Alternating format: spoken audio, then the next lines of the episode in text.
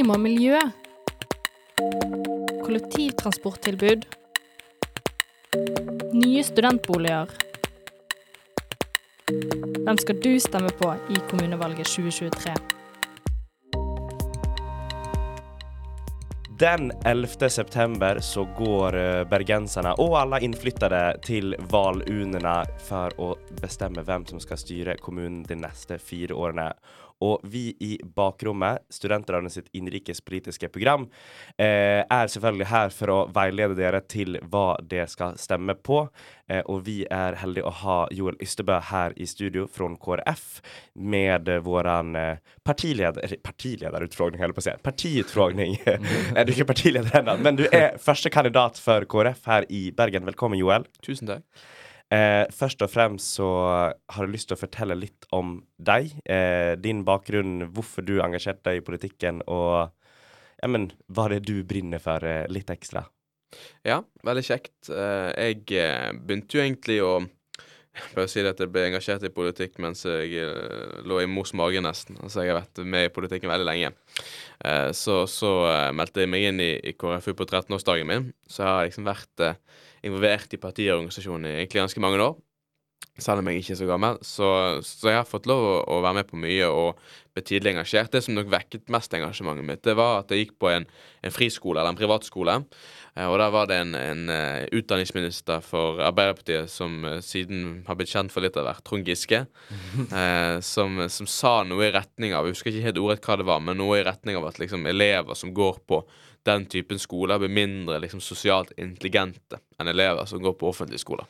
Det, det, er veldig spenstig å si. I hvert fall fra en utdanningsminister. Ja, ja, absolutt. Så jeg husker bare at jeg syntes det var veldig sånn urimelig. Og så var det en sak i tillegg, og den husker ikke alle detaljene i den, men at Dagbladet rullet opp en eller annen greie overfor konkret min skole som, som, er navngitt som et eksempel på noe de ikke ønsker, da. Så, så, det var på en måte liksom litt sånn eh, min politiske oppvåkning, da, nesten. Eh, som liksom egentlig vekket den interessen, i alle fall. da. Mm. Eh, og det har siden det har vært en viktig sak for meg. da. Det er et uh, altså, studietilbud, skoletilbud, at man skal kunne velge mm. uh, ulike typer alternativ. Eh, så, så det, det, var nok noe som vekket ganske tidlig i meg. Og så har på en måte det utvikler seg allerede eh, egentlig da, så var jeg ganske opptatt av alkoholpolitikk. Og det har jo, har jo det vist seg også i ettertid, eh, senest de siste ukene og månedene, at jeg har fått snakke en god del om. Så, så, det var på en måte kanskje litt de der to, i hvert fall når jeg var tidlig sånn i tenårene, da. Skrev litt i avisen om og engasjerte meg mye. Og så var jeg en sånn veldig sånn liten, sånn veslevoksen eh, elevrådsleder på så, så, mange år som mulig, og liksom, ja. Den mm. stereotypien, da. Eh, som nok mange politikere eh, og ungdomspolitikere er eller har vært, da. Så, eh, så det var litt sånn min reise de første årene, da. Var det alltid självklart at det skulle være KrF, eller hur? Alltså när man er ung så finns det jo, når man begynner å kjenne et politisk engagemang så er det jo alltid at man skal navigere seg blant mm. de forskjellige politiske partiene og hitte sin eh, hemhørighet på en måte. Eh, hvordan endte det opp at det ble just eh, KrF?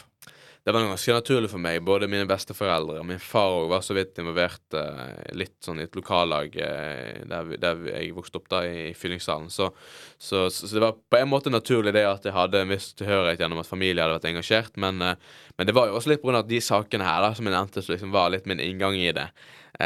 var jo saker som, som, KrF var et naturlig valg ut ifra. da. at KrF hadde noe av den særegenheten som jeg syns var var god og viktig, da. Eh, så, så, det var nok litt sånn bakgrunn for eh, Ja, det var falt veldig naturlig, egentlig. Mm. Ja, jeg vil, jeg vil, jo anta at du er kristen. har, har, har, det hatt noe å si, din tro og, og, og på, på, på kristendommen, hatt noe å si for ditt ønske om å være politiker? Det har definitivt. Eh, altså, Nå trodde jeg egentlig du skulle spørre om troen har hatt en påvirkning på at det valgte KrF. Eh, og, og, og, det mener jeg, Likedan, det òg, men, ja, men, men, men, men egentlig, jeg syns det er en interessant nyanse, det du sier der. Mm. Fordi at eh, det er jo det er troende som ikke nødvendigvis bare stemmer KrF. Så mm. selv om for mange vil det kunne være naturlig å stemme KrF ut fra oss at vi har en tro, men, det som nok opplagt har hatt påvirkning på mine politiske standpunkt, og at jeg valgte å engasjere meg i politikk, var jo troen min i den forstand at jeg har troen på noen verdier. Mm. At måte, det lå til grunn for det engasjementet. Så jeg vil si det at troen har påvirket mine politiske for så vidt verdier og synspunkter og innfallsvinkler, og ut ifra det var det da naturlig for meg å velge KrF. da. Eh, så, så det er uten tvil hatt påvirkning. På samme måte som hvis du vokser opp i et hjem som er opptatt av feminisme, så Mm. velger du å være engasjert i kanskje feministiske saker og velger SV, liksom. Altså det er på en måte Mm. Eller andre eksempler på det, da. Eh, Hvis du driver en liten eller en eh, bedrift, og foreldrene er irritert over eh, familiebedrift, og foreldrene dine, fått foreldrene dine er irritert over skattenivået, så velger du kanskje høyere. Så det er på en måte Mm. Du har på en måte den ballasten med deg, og de verdiene som ligger til grunn for både hva du tenker om politiske saker, og da naturligvis også hva du tenker om hvor du hører hjemme rent som partipolitisk. da. Veldig interessant. Vi skal gå videre og snakke litt om eh, KrF og valget som stunder. Den seneste 11. september så må folk ha stemt. Man kan jo forhåndsstemme fra og med 1. juni, om jeg ikke mis, misminner meg helt feil. Eh, KrF har jo eh, vært eh, og styrt Bergen, eller og vært i opposisjon på en måte, under det, disse fire årene. Eh, de har jo vært med, og så gikk de ut av byrådet med Det har jo vært litt kaos, eh, får man lov til å si, i, i, i, i, eh, bystyret i Bergen. Men hva er det KrF ønsker? Liksom, hva er deres kjernesaker på en måte som, som dere går til valg på? De, selvfølgelig, man, man snakker jo om alle temaene, men hva er det dere syns at eh, det styret som har vært nå, eh, ikke er fokusert nok på, og det dere vil Hvis dere får 51% i valget eh, 11.9., hva er det dere vil fokusere mer på, eh, som dere går til valg på? Det er jo noen sånne grunnleggende sånne visjoner og tanker vi har om byen. da. Vi mener at det er viktig at Bergen skal være en best mulig by å vokse opp i. At det skal være en best mulig by å bli gammel i. At det skal være en best mulig by å kunne tro i, uavhengig av hva slags bakgrunn og trosbakgrunn man har. Og så er vi opptatt av at Bergen skal være en trygg by. Sant? Altså, vi har jo sett også bare i seneste ukene og månedene, sant? både med den rettssaken som har vært i forbindelse med en sak hvor de som er tiltatt, ikke er dømt, riktignok, men hvor man på en måte opplever en del sånne saker som nok også eh, på ulike måter kan, kan gi en opplevelse av utrygghet for enkelte innbyggere. Så det har jo både vært en sånn viktig sånn grunnleggende tanke om hva KrF ønsker at Bergen skal være, men det er kanskje blitt ytterligere eh, aktuelt da, at Bergen også skal være en trygg by. Eh, så så det at det skal være en god by å vokse opp i, bli gammel i, eh, kunne tro i, og at man skal kunne være trygg, det er liksom liksom de der fire søylene i på en måte vår sånn overordnede visjon for byen. da. At det er noe vi er opptatt av. Eh, og så, så tror nok vi det at eh, at, at inn mot de neste fire årene så er det en del sånne ting som står på spill rundt de tingene der. Vi mener at utrolig viktig at familier, og selv om det kanskje ikke er så relevant for alle studenter, men man skal jo sikkert også få familie en gang, og kanskje noen studenter også har, er i gang med å få familie og er, har fått barn og den slags òg, at det at vi sørger for at det skal være fleksibelt, at man skal kunne ha valgfrihet for familien, at man skal kunne velge om man vil være litt ekstra lenge hjemme med barna, den typen Spørsmålet spørsmål er jo mer og mer liksom debattert, og nå har regjeringen kuttet blant kontantstøtten, f.eks. Mm. så, så det er en sånn, ty, sånn liksom tung sak som vil koste mye penger, som nok vi vil prioritere de neste årene. Eh, og så er det jo sånn at, at eh, vi ser jo en, en, en veldig økning i, unges rusbruk. Både liksom ungdommer, eh, tenåringer, unge tenåringer, også studenter og andre. Eh, og vi er bekymret for den utviklingen, da. Eh, og at det også påvirker en del bydeler, f.eks. Områder rundt Lagunen her i byen, f.eks. Hvor det har vært mye liksom, kriminalitet, gjenger, utfordringer knyttet til det. Eh, der er vi redd for de strømningene vi ser rundt liksom, legalisering, avkriminalisering, og at, at det har en, hatt en normaliserende effekt. da. Så, så, så det er liksom noen sånne liksom, i hvert fall innledende tanker rundt hva vi ser på som utfordringer for byen fremover, og ting som vi vil være opptatt av å prioritere. Jeg er litt nysgjerrig på just det er veldig interessant det du sier med rusbruk, for det blir jo alt mer vanlig at folk havner inn i, i rusmisbruk og ikke klarer å komme seg ut. Eh, og jeg føler veldig mange snakker om det. Eh, men hva anser dere på kommunenivå, hvis dere da får, si et hypotetisk sett, at dere får 51 eh, på valgnatten, eh, hva anser dere konkret at eh, man skulle kunne gjøre for at eksempelvis da eh, hjelpe unge, eller gamle for den delen, som er i, i rusavhengighet i Bergen. Og, og just det du snakker om med bydeler, at man ser at utsatte bydeler blir alt mer eh, på en måte frånkoblet fra resten av samfunnet. Hva, har du noen sånn konkrete eksempel på Mm. tiltak, eller hva man skal si?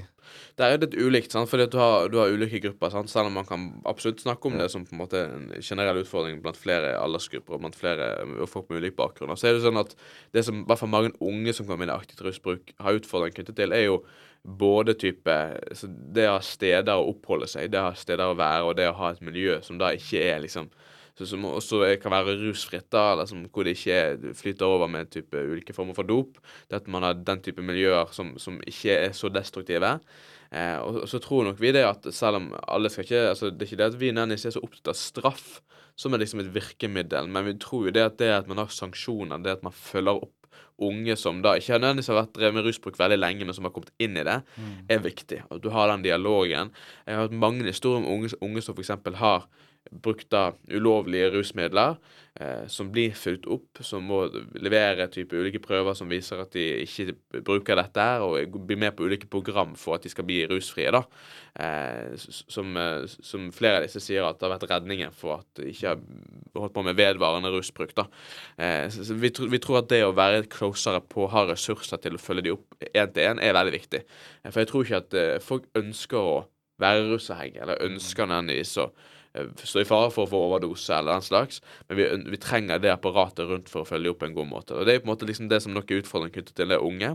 Når vi kommer til litt eldre og folk som har vært i langvarig rus, så tenker vi at det som går på bolig, det å ha evne til å kunne bo, og det at man følges opp der, mener vi er veldig viktig.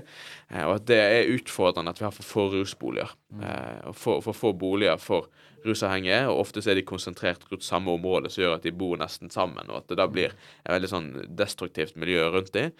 Eh, og så mener vi at de tilbudene som da er ofte blitt omtalt som ideelle tilbud, som vi ser at har veldig gode resultater, hvor de kommer inn, hvor de eh, følger et program, hvor de finner på en måte en mening i hverdagen for arbeid osv., at de er veldig viktige. da. At det ikke er sånn at det offentlige skal nødvendigvis ta seg av all rusbehandling og rusrehabilitering. Vi har tilbud i byen, enten det er Blå Kors eller Evangeliesenter eller andre som kanskje ikke er så kjente for alle, men, men som har veldig gode resultater, hvor 80% av de som fullfører programmet deres, forblir rusfrie. Så, så det at liksom ikke vi tenker at alt skal gå gjennom en sånn kommunal tjeneste, hvor du skal inn til fastlegen, og skal du få det og det, og skal du videre inn i et program, vi tror at man må heie fram de der frivillige, ideelle initiativene. da. Em, så det er litt ulike løsninger da, for ulike grupper, men det er uten tvil et viktig område, og det er et viktig politisk område for Bergen særlig. Veldig interessant. Og du, du nevnte jo det som et av tiltakene, just det med, med boliger. Og eh, vi skal eh, lyst til å snakke med deg om just det med, med boliger, framförallt kanskje for unge og Mm. studenter, egentlig. Og eh, jeg kan jo bare snakke for meg sjøl, eh, men, men jeg tror mange andre er enig med meg at det er ekstremt vanskelig å finne gode boliger og finne et godt tilbud eh, som ikke er altfor pricy. Det er veldig dyrt å bo i byen. Eh, det er ekstremt mye gamle leiligheter som koster. Er strømprisene, som alle vet har stiget i taket, og, osv. Hva anser dere på kommunenivå eh, at man kan gjøre mer for at man skal gjøre Bergen til en mer beboelig by? At det skal være eh, billigere, mer lett tilgjengelig, og at folk, fler, fl folk flest skal ha et bra sted å bo? Eh, veldig viktig område. Jeg tror jeg må studentene, da, så er det litt sånn eh, Altså, her er det på en måte ikke så mange quick fix. Det som er sånn krevende altså, Du stiller et veldig godt spørsmål når du sier hva kan vi gjøre på kommunenivå. sant? Og man må jo, Selv om det kan være litt sånn vanskelig for folk å forstå hva som er kommunen og fylket og staten sitt, sitt ansvarsområde, så er det noe begrenset hva vi kan gjøre liksom aleine, men man må på en måte jobbe sammen. Jeg tror jo Det enkle svaret er jo å bygge studentboliger. Sant? Og det tror nok alle, uansett hvem dere tar inn i dette studiet, så vil de politikerne snakke om å bygge studentboliger. Eh, men det må jo vi vise i praksis at vi ønsker. At vi ønsker Bergen skal være attraktiv by for studentene. Da må vi øke graden av byggingen. Og så er det sånn at oftest er utfordringen knyttet til det å få rett og slett tomter og regulere områder for den byggingen. Derfor så er jeg bekymret for at man nå vedtar politikk, at MDG eksempel, den type partier vedtar politikk som gjør det veldig vanskelig å ta av områder for å bygge, hvor man egentlig basically tenker man ikke skal bygge nesten mer boliger i, i Bergen, og særlig på en måte imot ja, en del områder i byen vår. Så, så, så vi er nødt til å på en måte vise på ekte at vi ønsker å prioritere den byggingen. Eh, og så er det jo sånn at, at det er jo eh, Og her, her klør jeg meg til hodet over hvordan det er blitt sånn, og hvordan man tillater at det er sånn. At det er så mange eh, Hva skal jeg si eh, Veldig, veldig kjipe folk som leier ut til unge og til studenter. Eh, altså det, det folk jeg kjenner veldig godt, blant annet, som på en måte har leid en leilighet, og så er det på en måte maur, og det er mugg, og det er drit, og det er liksom Det er så ille, da. Eh, I type som du sier, sant, ofte eldre bygg, eh, i hvert fall hvis det skal være noenlunde sentrumsnært, eller langs bybanetraseen og sånn, da. Så der, der er det på en måte Der må vi nok, mener jeg, eh, stramme litt til, da, eh, knyttet til hva som er lov å leie ut. Det er egentlig ikke sånn at de fleste leiligheter som leies ut i dag, er egentlig ikke godkjent for utleie, f.eks. Må man f.eks. da eh, på en mer omfattende måte, uten at det blir for byråkratisk, uten at mange leiligheter ikke blir leid ut som vi trenger, eh, kontrollere at disse leilighetene er i grei stand. Eh, så, så, så det her er det på en måte Her er nok måter å regulere det utleiemarkedet på som ikke nødvendigvis er bare kommunalpolitikk, som er mye nasjonalpolitikk, men vi er nødt til å se på det. For det er veldig ille sånn som det er i dag. Nei, jeg, jeg syns det er jo veldig interessant det du sier. Og jeg, jeg gjør jo mine betraktninger da eh, rundt dette med bostedsadresse. Eh, for at eh, politikerne i Bergen skal gidde å bry seg om studentene og få de til å bli, så må jo også studentene kunne være folkeregistrert her og, og bruke stemmeretten sin og stemme på partier eh, for å få fremme disse sakene her. Og det, det er jo helt forferdelig. Det håper jo jeg at selv om vi driver med kommunenivå, at vi tar opp disse tingene helt opp til, til staten og, og, og regulerer disse helt forferdelige bygårdene med, med mugg. Eh, men eh, er, er, det, er, det, er det tanker du gjør det rundt, eh, rundt eh, nettopp dette med å, å, å regulere boligmarkedet i, i Bergen? Nå tenker jeg hovedsakelig på leie og studenter, ikke det generelle boligmarkedet. Nei, altså, jeg, jeg tror nok på en måte altså Vi er ikke sånn ideologisk imot at folk Altså Noen partier, særlig på venstresiden, vil jo mene at det er problematisk nærmest at folk har ut, altså leie ut boliger, på en måte. Altså det at du har sekundærboliger, da. At de ønsker å skattlegge enormt hardt på det. Ja, og det mener ikke vi nødvendigvis er riktig. Både fordi vi mener at det skal være mulig å kunne leie ut og kjøpe flere boliger og leie det ut videre, men også fordi at vi trenger jo tross alt at disse Uansett hvor ræva disse husene mm. så leilighetene er, så må jo de på en måte leies ut. Eh, og at, de, de dekker et visst behov som er ganske stort, da, særlig liksom i bysentrale strøk og nær, nærheten til studie, studieinstitusjoner. da. Eh, så så det, det er veldig vanskelig hvordan på en måte det der bør gjøres, men, men jeg tror nok det at man fra politisk hold kontrollerer mer rett og slett hvordan forholdene er, og at man også styrker leietagerne sitt rettsvern mm. rundt det å kunne melde inn avvik ved disse boligene, at de må utbedres. Eh, at, og, og så mener jeg, mener jeg kan godt at man må jobbe med ulike grader type eh, makspriser på grenser for hvor mye det skal kunne koste per kvadratmeter osv. For eventuelt at da man da må skatte mer hvis man tar inn så og så mye. Altså, Her er det på en måte Og det er jo på en måte litt høyttenkning, men det, det er sånn politiske grep man bør se nærmere på. da For det, det er ganske kritisk sånn som det er i dag. Eh, En som selv som står meg nær, var nettopp i en sånn case hvor, hvor utleier eh, hvor de flyttet inn, var på visning, det var ikke noe gale, og så kom det på en måte en invasjon av maur og ulike ting. Så jo, da måtte man se på jussen, sant. Og med mindre du er jusstudent, så er det ganske både innviklet å sette seg inn i. Du må på en måte Du har gjerne en utleier som eier masse boliger, har masse penger, kan, eh, kan finne en advokat på flekken og liksom gjøre det der ganske vanskelig for deg. Så, så det er på en måte Det er en så eh, Det, det er en så eh, sånn du, du står ganske sånn eh, naken, da, i liksom de der tvistene der, da. Ehm, så, det å styrke rettsvernet til leietagerne, da, mener jeg her er av betydning. Og det å på en måte styrke Måten også det bør implementeres i studietilbudet, da. Eller ikke studietilbudet, men altså i, i tjenestene til studentene. At man kan ha veiledning og rådgivning knyttet til det med å finne bolig. Det å håndtere sånne ulike tvister. At eh, det skjer altfor mye av det. Väldigt intressant. Og når det kommer til altså Først og fremst så må man finne en stans å bo om man skal bli i Bergen. Eh, men, men jeg tror det er mange det er jo veldig mange som flytter til Bergen og studerer her. Eh, og vi studenter av dem, så vi må jo snakke litt mer om studenterna. Eh, og det å flytte hit til Bergen, eh, se at du kommer fra Oslo eller Trondheim eller Sogn eller hva som helst, eller for meg, da, som er fra Sverige. Eh, vad anser dere? for det er jo veldig mange som flytter hit, studerer, bor her i tre, fem år och så flytter man hjem, eller drar til Oslo for eksempelvis. Eh, hva anser dere liksom litt mer konkret eh, at man kan gjøre for at fl- folk flere skal bli i Bergen liksom og etter studietiden og ja men både når det kommer til jobbmuligheter og alt sånt. for det er jo mange som flytter, utnytter utnyttjar byen i fem år og så flytter de vekk. väck. Ja, altså Umiddelbart så kan jeg aldri skjønne hvorfor folk vil bo i Oslo. Det høres ut som en forferdelig skjebne. En skikkelig drittby. Men, uh, men jeg skjønner det samtidig. For det er jo, det er jo både Som du sier, arbeidsplasser. Det er ofte blir det omtalt som en by med mer muligheter. Og det, det er ikke tvil om det. sant? Og Særlig innenfor noen yrkesgrupper og ulike eh, studieretninger, så er det på en måte Er det ofte der liksom arbeidsplassene er. Jeg tror det handler mye om det der, da. Med, med, med rett og slett hvordan arbeidslivspolitikken er. Eh, fordi at, fordi at den, altså Jeg tror nok ikke nødvendigvis på det der å liksom finne sånne små funny grep hvor det er noen pengeoverføring, enten det er gavekort eller andre ting, eller det å få de til å permanent flytte, melde flytting hit, for da blir de liksom utover studiet, utover liksom når de er ferdige som studenter. Jeg tror nok det er liksom det arbeid folk er ute etter.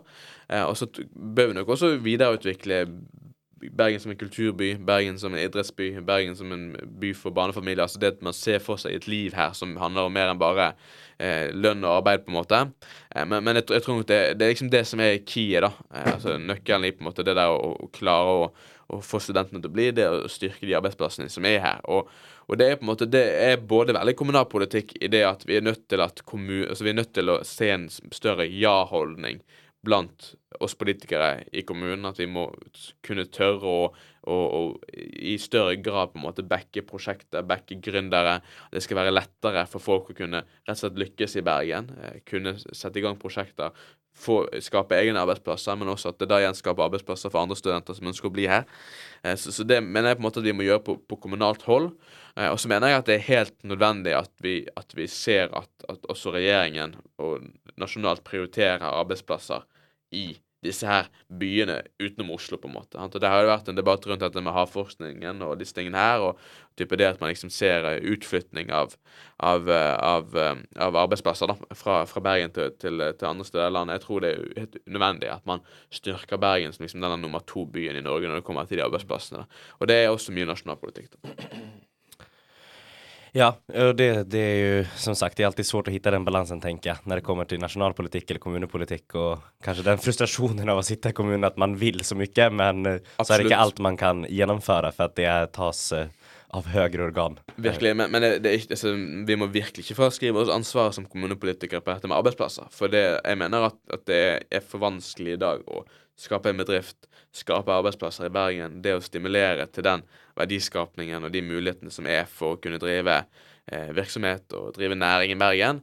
Eh, det, det mener vi, vi er helt nødvendig. Og det er, det er kommunalt ansvar, da, men så er det akkurat det der liksom, de der statlige arbeidsplassene i Bergen, som ofte er en del studieretninger. sant? Altså, Si hvis du da studerer type media, for eksempel. Da. Det at det skal kunne være mulig å og at det er, at det er ut, ulike arbeidsplasser hvor du har kommunikasjonsrådgivere, hvor du har liksom ulike trainee-ordninger og den slags. Det er helt nødvendig i Bergen nå. Og så er det spennende det som skjer. Og jeg tror ikke nødvendigvis at alt handler om hva man i kommunal eller statlig eller offentlig regi gjør, men det handler mye om det å fremelske ting som skjer privat. Altså det aller mest spennende prosjektet. For i hvert fall hvis du tenker bare da de studentene som går liksom medieretninger, grafikk, den typen liksom eh, kommunikasjonsrelaterte ting. Når du ser det som Media City-prosjektet har blitt, som er så utrolig interessant, liksom eh, arbeidsmiljø, k- medieklynge i Bergen, eh, som da innbefatter mange arbeidsplasser, og også et samarbeid med, med universitetet med ulike former for, for, for studieretninger. Så, så det er jo mener jeg, den typen ting. Så det der må bare kommunen fremelske, være på tilbudssiden, gi tilskudd hvis det er nødvendig, gi rom for å kunne bygge. altså Den typen grep mener jeg vi er helt nødvendig for at man skal fremelske de initiativene, som jeg tror gjør Bergen mer attraktivt. da. Ja, jeg er, jeg er jo helt enig med det med, med Media City Bergen. Da er jo en helt unik situasjon hvor man har fått eh, alt det riktige på én plass. Sant? NRK, TV 2, eh, mediebedrifter, eh, digitale bedrifter på ett sted, og du har virkelig et yrende næringsliv der, da. Eh, jeg, vil, jeg, vil, jeg vil bare ta inn på et, et litt sånn konkret politisk utviklingsspørsmål. Vi har jo Dokken, da. Som, eh, som for de som ikke er, er kjent, Dokken er der alle disse Containere heter det vel. eh, eh, Godsterminal. godsterminal midt i Bergen sentrum, egentlig. Eh, ved siden av Møllpris der. Eh, som er, eh, Altså enorme arealer som skal nå nyttes, eh, og, og, og, og bygge en ny bydel i Bergen. Når du snakker om det med å få studenter til å bli, skape nye arbeidsplasser, hva gjør du deg tanker rundt Nå tenker jeg ikke på den rene bolig og det reguleringen, men kan vi skape noe der? Er det, er det inne for KrF å skape noe lignende gründerområde eller et lignende yrende næringsliv som gjør at studenter kan bli værende? Jeg tror det handler på en måte om eh, og Uten at man skal bli for teknisk rundt det med reguleringen, men det handler jo om hva du planlegger for i den bydelen. Mm. Sant? Og på en måte opplever skal folk bo der. Da mener jeg at det er en helt sånn vesentlig poeng, særlig mot studenter, at det er nødt til å bli, bli, bli liksom organisert på en sånn måte at det ikke bare er fritt vilt for markedet. Mm. Der, er det, der er det grenser for hvor, hvor man på en måte skal gå. Sant? Det at man da faktisk helt sånn bestemt setter av områder til studentboliger, eksempel. Eh, og at man da sammen med eh, studentskipnad og andre på en måte organiserer det sånn at det faktisk skal være en decent pris, og det skal kunne være mulig å bo der. Det er helt nødvendig. Jeg er veldig redd for hva dokken kan bli hvis det går på en måte i retning av en sånn Tjuvholmen, Aker Brygge område, da, sånn som du ser i Oslo, hvor det på en måte er veldig dyrt å bo. Så, så, så det, det er liksom, uten å gå for altfor alt inn i boligpolitikken, for det var ikke det du spurte om, men det er helt reelt da, når det kommer til dokken, at det, det er bare noe som vi er veldig nødt til å være bevisst på. Og det opplever jeg at politikerne også er, da. Og at man på en måte blant annet ønsker da helt konkret å sette av, av areal til, til studentboliger. Eh, og så tenker jeg at, at det at man skaper næring, at man skaper arbeidsplasser, det kan ikke man vedta i Bergen bystyre at man skal gjøre. Eh, man må bare være på en måte på tilbudssiden i det at man ønsker å regulere tomter, ønsker å, å på en måte bidra til å være positiv til den verdiskapningen som skjer. Men det er jo avhengig av at det kommer da initiativ. At man da ser at på en måte gründere får ideer, at man, får ide eh, at man har visjoner for hva man ønsker å gjøre. Og så tenker jeg at da må man bare være så fleksibel som, som mulig fra kommunens side. Eh, og det er nok det det skorter på. Eh, det er ikke nødvendigvis det at man trenger at politikerne har ideer og tanker om hva man skal få til av arbeidsplasser. Man må rett og slett bare klare å, å, å jobbe sammen med næringslivet og med gründerne og studentene i dette tilfellet da, på en god måte. Ja, og det handler jo litt, og det er litt eh, det som var opptakten til spørsmålet mitt også, det var litt sånn eh, Vi er jo en, en hav, eh, havby, altså vi har jo mange shippingselskaper. Kan vi, kan vi skape en klynge der? Kan vi, kan vi initiere til det som allerede eksisterer? sant? Hvilket MCB eh, med det sitt i Bergen var. Det var å samle noe eksisterende. Eh, og der må jo, som du sier, der må jo kommunen være på ja-siden skal man få til de spesifikke tingene. Virkelig. Og det tenker jeg det, sånn det der, det å gjøre dette her, det å skape de hubene da, mm. innenfor ulike fagfelt, eh, mener jeg er utrolig spennende. Det er liksom i den retningen må tenke. Jeg mener den Media City-modellen på en måte da kan brukes på andre liksom, felt, på alle andre områder. Og så har du type det som vi nå ser med at akvariet skal flytte sant? Mm. Med, med tiden, og at det er planen ut mot der, eksempel.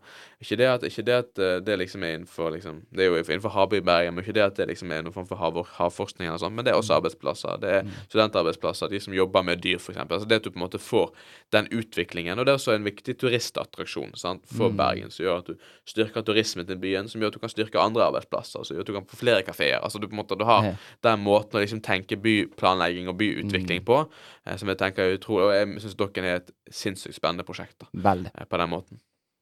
Det er mye spennende som skjer, og vi er jo inne på det litt sånn hva skal til for at man skal bli og alt sånt, og da er jo også kollektivtransport en viktig del. Eh, og vi må jo nesten snakke litt om Bybanen. Det har jo vært en eh, spalte på bakrommet sine sendinger. yeah. Jeg har jo sagt at eh, nesten må sende inn noen TV 2-kamera på eh, kommunen sine lokaler, for at det er nesten som en reality-serie, eh, med byråd som går av og krangler og eh, går på igjen og ditten og datten om Bybanen. Altså for, for de som ikke som, For de som hører på her og ikke er helt innsatt i KrF sin stilling, hva, hva tenker dere kring Bybanen til Åsene? For det er et veldig sånn konkret spørsmål som har vært oppe på tapeten og kranglet veldig mye om i, i det siste året, kanskje. Altså, bare for å ta det først, altså, det, det er helt riktig som du sier, det er en veldig reality, kanskje uten alkohol og på en måte ja, at man går til sengs. Så det er veldig mye, veldig mye ja, voldsomt rundt det, og den måten det der har vært eh, Måten man har egentlig styrt byen på den, på den saken der med at man ikke har klart å bli enige, rett og slett. Man har ikke klart å liksom bygge de broene som er nødvendig for å for fremgangen i det prosjektet. Jeg mener det er bare et, er et veldig sånn øh, sykdomstegn ved egentlig bergenspolitikken. Jeg syns Sølve Rydland, som er politisk redaktør i BA, hadde skrevet mye interessant og hadde også en debattopptreden på NRK hvor han snakket om det der med at det er et godt eksempel på at når ikke politikerne klarer å snakke sammen, og ikke klarer å legge inn peile ut en retning på de store, tunge grepene, særlig på kollektivtrafikken, så går det galt av sted. da. Men når det kommer til spørsmålet ditt, så er det sånn at, at KrF har jo hele tiden vært veldig for å bygge Bybanen. Det var egentlig vi som på en måte egentlig holdt i dette i mange år, med byutviklingsbyråden, og vi var en del av det forliket i 1999 som Eller en, del av den enigheten i 1999 som i hele tatt var startskuddet for å bygge Bybanen til til på en måte Fana og mot Flesland og sånn. Eh, og mot Fyllingsdalen senere etter det. Så, så vi er uten tvil veldig for Bymann til Åsane. Vi mener at en er nødt til å gå over Bryggen, eller altså i dagen, som det heter. Eh, At det er både det mest eh, det rimeligste, det mest realistiske. Vi tror ikke det er, og ikke bare ikke vi tror, men at det er opplagte faglige innvendinger mot det å bygge tunnel, at det er vanskelig. Eh, Så, så der er det på en måte Eh, det der har vi stått i alle år. Vi gikk ut av byrådet i 2014 på bakgrunn av at man vedtok uten en, uten en eh, enighet med oss eh, fra liksom de andre byrådspartiene fra Høyre på, eh, på byggene i tunnel, og så har det utviklet seg, og det er det som har gjort at dette har blitt en, en farse, da.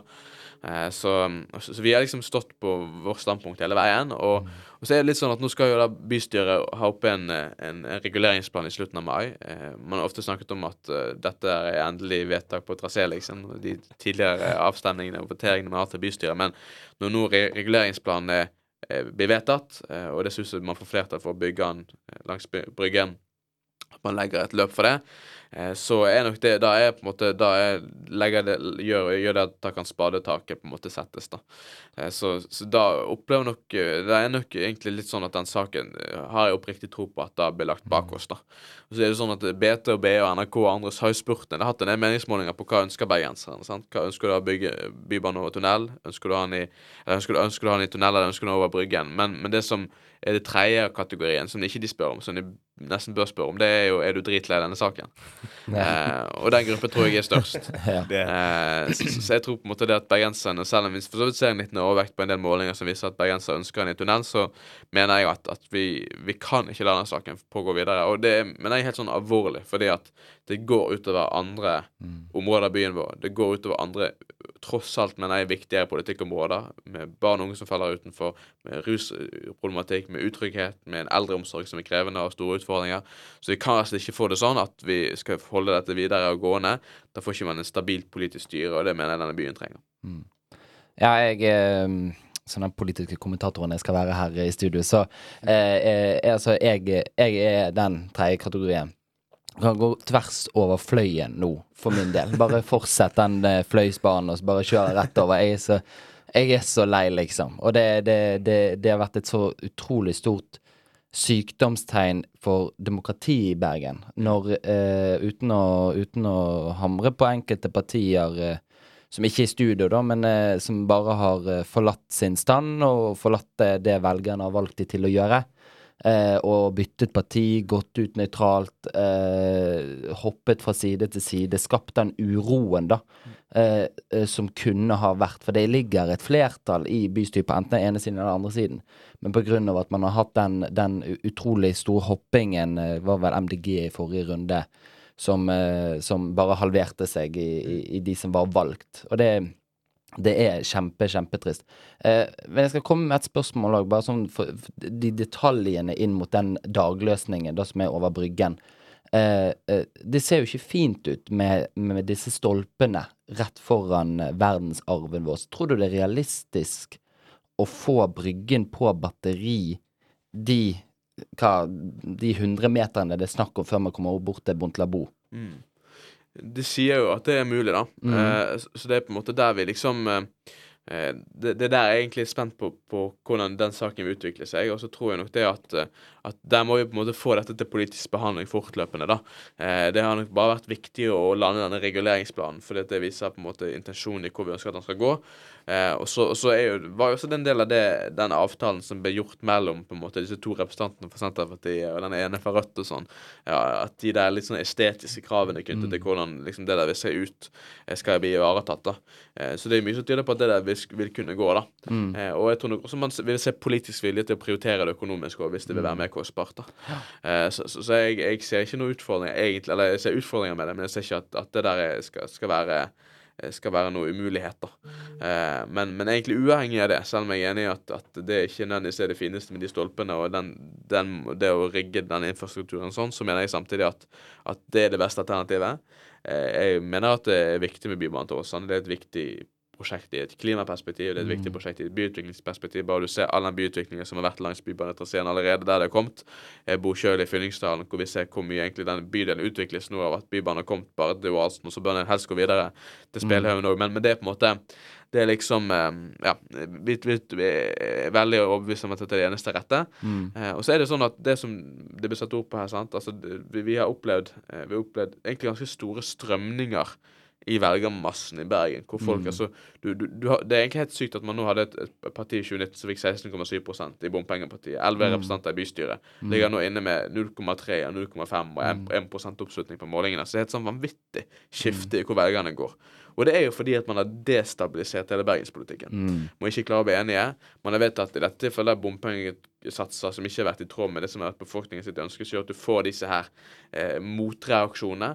Eh, og det kan skje på ulike områder. Det kan også skje på Bybanen hvis vi nå nok en gang tar omkamp om det, nok en gang utsetter det. Så jeg mener at vi må, må nærme oss en mer normal tilstand i bergenspolitikken. Eh, og det mener jeg også i lys av både Vigolo-skandalen, som var en krevende greie med denne skoleappen, så det var noe personvern knyttet til, men ikke minst denne barnevernkrisen som egentlig byen står i. Eh, senest kom det en sak i dag også som, som omtaler den saken med denne gutten som var underernært og hadde vært inne i elleve måneder i strekk eller noe sånt. Så det er på en måte Vi har egentlig en del kriser i byen vår, både med klimautfordringer, med barnevernet, med eldrefeltet. Eh, vi har lavere fødselstall enn tidligere. Altså det, det er politiske områder som er så viktige. Eh, og grunnen til at jeg nevner det her på det spørsmålet om Bybanen, er fordi at, at det står i veien for det. Fordi du destabiliserer hele, hele bergenspolitikken. Du får byrådskriser, byrådsavganger. Alt dette må bare roe seg. Ja, det må slutt. Det, det må det. Jeg tror, eh, eh, som, som, som de sier, at det er no, veldig mange som hadde stemt på det tredje alternativet. At de er, jeg er veldig, veldig lei. Nå har jeg bare bodd her i tre år, men jeg, jeg begynner å bli lei allerede av den bybanesaken. Eh, du var inne på det, just det med, med barnevernet og veldig mange saker, andre saker som er utrolig viktige for, eh, for byen. Eh, og barnevernssaken som var i høst. Eh, da var vi tilbake det med at byråd går av, byråd går på osv. Det med at eh, Roger Vallehammer eh, trakk seg som byrådsleder, var jo Det var jo også da KrF, eh, hvis jeg ikke misminner meg helt feil, var også gikk ut fra eh, Nei, det var litt før. Ja, det var litt før, ja. Men, men, ehm, men liksom sånn Det med barnevernssaken, for det har jo vært veldig mye oppstand kring eh, kring barnevernssaker, og at barnevernet ikke har gjort nok, og fruktansvære hen- eh, historier om barn som har kommet i klem, eh, der barnevernet bør ha gått inn mye, mye tidligere. Hva anser dere at man eh, bør gjøre liksom, for å få kontroll på at alle har det bra, og at barn tas hånd om på best mulig måte? Altså, I barnevernsdebatten, som jo er en veldig krevende debatt, så, så det, mener jeg at det er litt sånn ekstremister på begge sider. Du har de som mener at, at eh, barnevernet bør gripe inn i langt flere tilfeller, og at barnevernet eh, så å si har rett i alle vurderinger, og at eh, de i mer omfattende grad bør hente ut barna hjemme. Eh, og så er det de som, som mener at barnevernet eh, forgriper seg altfor mye på foreldre, mener at eh, på en måte barna ikke bør hentes inn, hentes ut av familien sånn som det blir gjort, og at eh, man nesten bør legge ned barnevernet. Altså det er på en måte det, det, det, er så, det er så krevende felt. Jeg har virkelig sympati med de som jobber med det, eh, fordi det er så vanskelige avveininger. Eh, og det, er liksom det, det er et av de tyngste politiske ansvarene i hvert fall jeg kjenner på, som jeg mener at alle i bystyret bør kjenne på, rundt liksom det styringen av barnevernet, fordi at det er så vanskelige avveininger. da. Når det kommer til det hva man skal gjøre for å på en måte, styrke den oppfølgingen av barna og bidra til at barnevernet fungerer bedre, så er det kommet fram nå de siste årene at, at det handlet for så vidt om ressurser og penger, og alt sånt, men det også handlet om styring, hvordan det organiseres. Eh, så der er det på en måte noe, noen grep man bør gjøre i modellen på hvordan barnevernet og etaten og sånn blir ledet. Der opplever jeg at byrådet egentlig, selv om vi ikke har vært en del av byrådet, så vil jeg egentlig gi byråden på dette feltet kred for å ha satt i gang en del prosesser som har vært viktige i, et, i, i etterkant av den saken. Selv om det er synd at sånne ting må skje før, man, før det på en måte utløser en reell på en måte bevissthet rundt det. Eh, så det er ikke tvil om at, at det er noe som må gjøres i styringen av det. Det må bevilges penger nok. Man må øke lønningene sånn at man gjør det attraktivt, mest mulig attraktivt å jobbe i barnevernet. Eh, og at man får fordelt ressursene sånn at ikke man ikke blir utbrent. Og det er det som har vært utfordringen. At det har vært så gjennomtrekk i de tjenestene. Det er ikke de tjenestene, men i, de, i, i, i, den delen av, av kommunens, kommunens arbeid. Eh, så, så liksom, så Der handler det både om, om ledelsen, om ressursbruken og pengene. Eh, og så har jo KrF vært veldig opptatt av opp gjennom årene at, at noen trenger opplagt oppfølging av barnevernet. Mens det som også er krevende, er jo det at, at, at du har en del grupper også som med foreldre, familier og barn som ikke nødvendigvis eh, skal ut av hjemmet, men som, hvor det er litt dysfunksjonelt, hvor det er vanskelige forhold hjemme.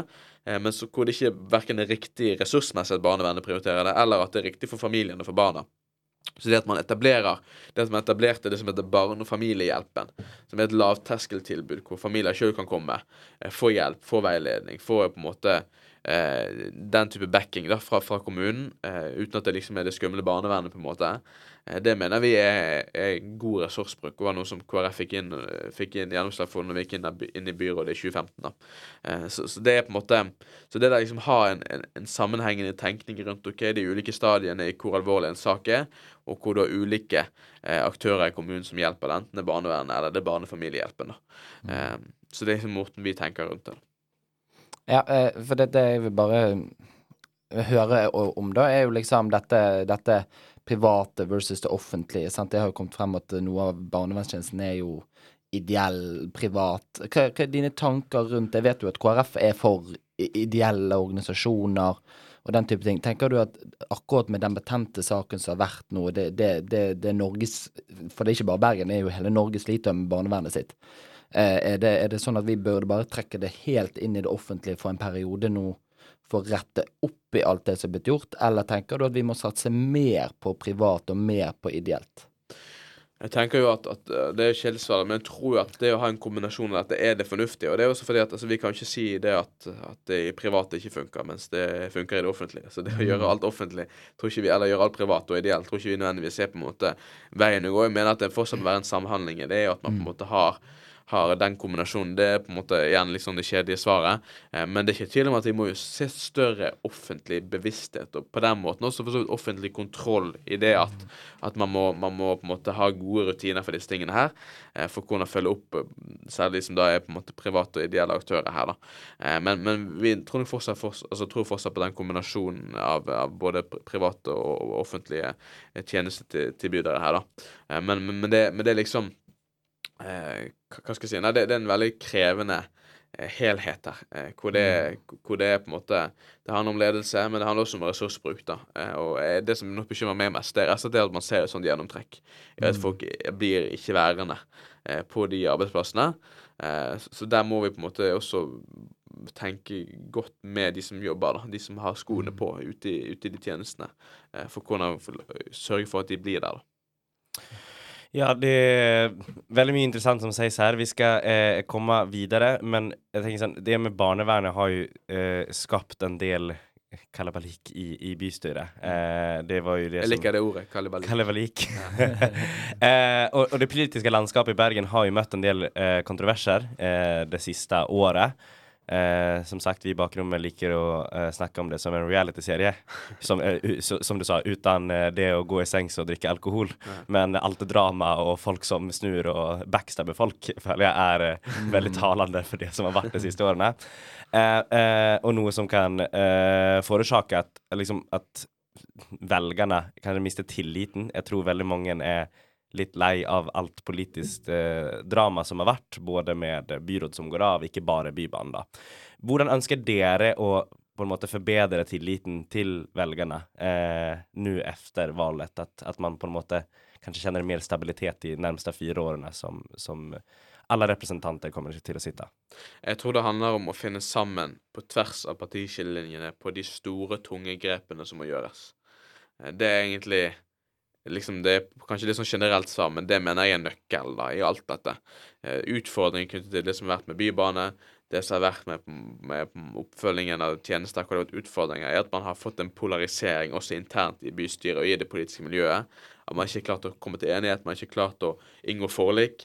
Eh, Bare se sånn som noe, altså, bare se sånn som Det er parallelt også til nasjonalpolitikk. Sant? Altså Hver gang man gjør skatteendringer, for eksempel, så har man et ønske om at både Arbeiderpartiet og Høyre for eksempel, her da, skal finne sammen. Fordi at man vet at det er det som tjener både Norge og partiene sjøl på sikt. Fordi at det det ikke, man er ikke tjent med en uforutsigbarhet, at skattenivået går opp og ned. Alt etter hvem som, hva statsministeren heter, og hva det partiet vedkommende kommer fra. Så det mener vi også har veldig lokale eh, eh, altså en veldig lett å sammenligne lokalt med, at, at vi er nødt til å Nå, nå når vi for ser for så vidt Bybanesaken videre, når den skal på en måte reguleres videre utover traseen, det vil være ulike valg der knyttet til finansiering, hvor mange stopp skal man prioritere, hvilke stopp skal man prioritere, sånne ting som det der. Det at man kommer til enighet, at man klarer å gi ta på tvers, gi og ta også på tvers av høyre- og venstreaksen, det er KrF veldig opptatt av på de tingene der. Det mener jeg er det beste vi kan gjøre for å sikre og styrke den tilliten som er i befolkningen, at vi klarer å bli enige om de tingene. For hvis ikke så polariserer vi det, og, og, og det mener jeg rett og slett svekker tilliten veldig dramatisk. da. Det å bli enig, det er jo også noe som, som man må bli for å kunne styre byen. Eh, og KrF har jo den siste mandatperioden både eh, vært med og styrt og sen så har man gått av. Jeg tror eh, min första inblick med KrF i, i Bergen var ju Beate Huse som, som var hälsobyråd under corona. Jag följde hon var den, den liksom första kommunpolitikern som jag hade en relation till i Bergen just för att hon stod där på alle alla presskonferenser. Men, men KrF har ju varit med och styrt och så har man gått av och så vidare. Va, vad ser ni efter hvis ni da ikke får 51 procent som vi snakket om tidligere, utan at ni, ni, ni kommer der under. Vart ser ni de største og beste mulige samarbeids... b- bästa möjliga samarbetsmöjligheterna med, med resterende partier? Hva ser vi i et forhold, tenker du på? Ja. Nei, altså det som, det som nok eh, for oss på en måte Vi er, har egentlig en prosess akkurat nå, egentlig for tiden, på hva vi ønsker med samarbeid. Og vi skal Hva nok har dere bestemt dere for side? Vi, vi jobber, vi, egentlig, vi, har, vi holder liksom eh, Hva skal jeg si, altså vi har prosesser rundt det nå.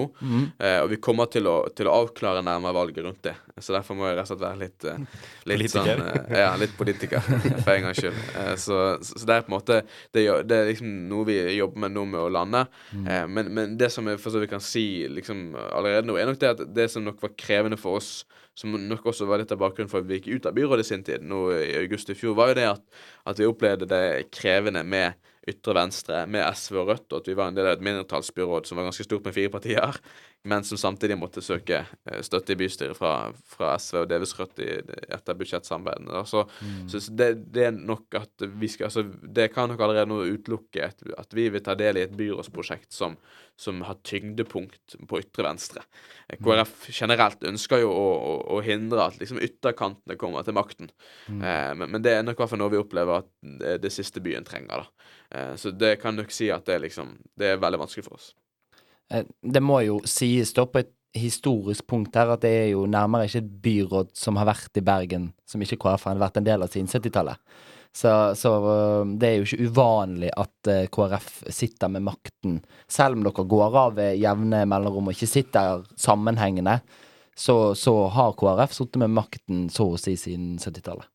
Ja da, eh, og det har vi planer med å fortsette med. Ja, ja, ja. så, og, og det tror jeg helt riktig kommer til å skje også. Den Målingene viser det at uh, uavhengig om vi har to eller tre mandater i bystyret også, så er, Mm. er vi enten på vippen eller en del av de partiene som i så fall vipper flertallet, enten det er i bystyret eller i byråd. Så, så, det, så det tenker jeg, og det mener jeg helt oppriktig lett selvfølgelig for oss å si, fordi vi er veldig komfortable med den makten, men, men vi mener jo det at, at KrF har kjøttet den godt, da, i det at vi har vist ansvar, vi har klart å bli enige med andre partier. Vi har klart å, å, å styre på en måte byen på, på en, egentlig på en god måte historisk sett, da. eh, Og vært villige til å snakke med andre partier. Så, så, så vi, jeg mener at det kler godt KrF og at vi har en styringsidentitet da, som jeg tenker er positiv. eh, Og at vi på en måte ja, også klarer å binde Og jeg tror vi er et viktig bindeledd også for å klare å få Høyre og Arbeiderpartiet til å snakke sammen på en del av de større sakene som jeg mener er nødvendig for å, som sagt i sted, styrke tilliten til politikerne i byen. Ja, det får vi eh, hoppas. Oavsett hva valgresultatet er, eller hva folk stemmer på så hoppas jeg at folk får et større fortroende for politikerne. Uansett hvilke politiker man heier på eller har lyst til å stemme på.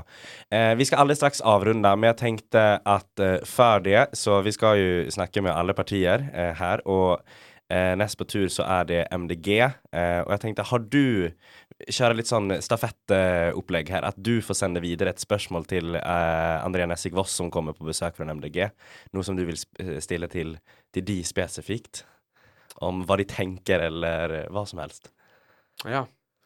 Er de bekymret for at deres eh, klimapolitikk polariserer så mye at det bare skaper motreaksjoner, og at du ikke får eh, en grønnere by av det? Jævla godt spørsmål, faktisk. Da får, vi, Ja, får man eh, lytte på neste intervju for å, for å høre svaret. Eh, vi skal eh, gi oss der, egentlig. Eh, vil først og fremst eh, eh, oppmuntre alle eh, som hører på, til å først og fremst, hvis du ikke er folkeregistrert i Bergen og du er student, folkeregistrere det her, sånn at du kan stemme. Eh, jeg skal stemme. Det er mitt første valg i Norge. Men Jeg får ikke stemme i stortingsvalget, men jeg får stemme i kommune- og fylkestingsvalget. Eh, men uansett hva du eh, kjenner for ideologisk tilknytning, så er det veldig viktig å stemme og gjøre sin røst hørt. Eh, for mye av det jeg tror som kanskje studenter eh, kjenner på til dagligdags, til daglig basis, er det som styrs på kommunenivå, eh, snarere enn det som styrs på Stortinget.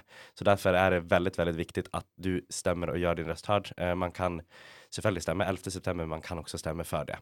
Eh, men vil eh, takke deg, Joel, eh, for, at, eh, for at du kom hit og ville snakke, snakke med oss denne eh, timen, eh, og ønske deg en god valgkamp. eh, og ja, eh, så Og jeg tenkte sånn, hvis man, eh, hvis man er interessert av å finne mer ut av KrF sin politikk, eller dine, dine meninger, hvis man er enig i alt det du har sagt her, vart kommer man i kontakt med deg, eller vart finner man deg på sosiale medier eller internett, eller hva som helst? Nei, vi har Facebook og Instagram og alt sånt, så det er bare å søke opp enten meg eller partiet Bergen KrF, og så kan man også inn på bergenkrf.no. Der ligger både informasjon om programmet og partiet, og også kontaktinformasjon til flere av oss på listen. Så det er bare å ta kontakt. Det får vi se eh, videre om folk er, eller det får du se. Jeg har ikke tilgang til KrFs Instagram. eh, men eh, vi er tilbake med flere intervjuer. Men som sagt, eh, tusen takk for at du kom hit, Joel. Eh, ønsker deg en god valgkamp under sommeren og høsten. Og så får du komme tilbake og lytte på bakrommet når vi fortsetter å eh, snakke med partiene som stiller til valg her i Bergen. Du har hørt et program fra Studentradioen i Bergen. Produsent i dag har vært Karianne Thorshaug.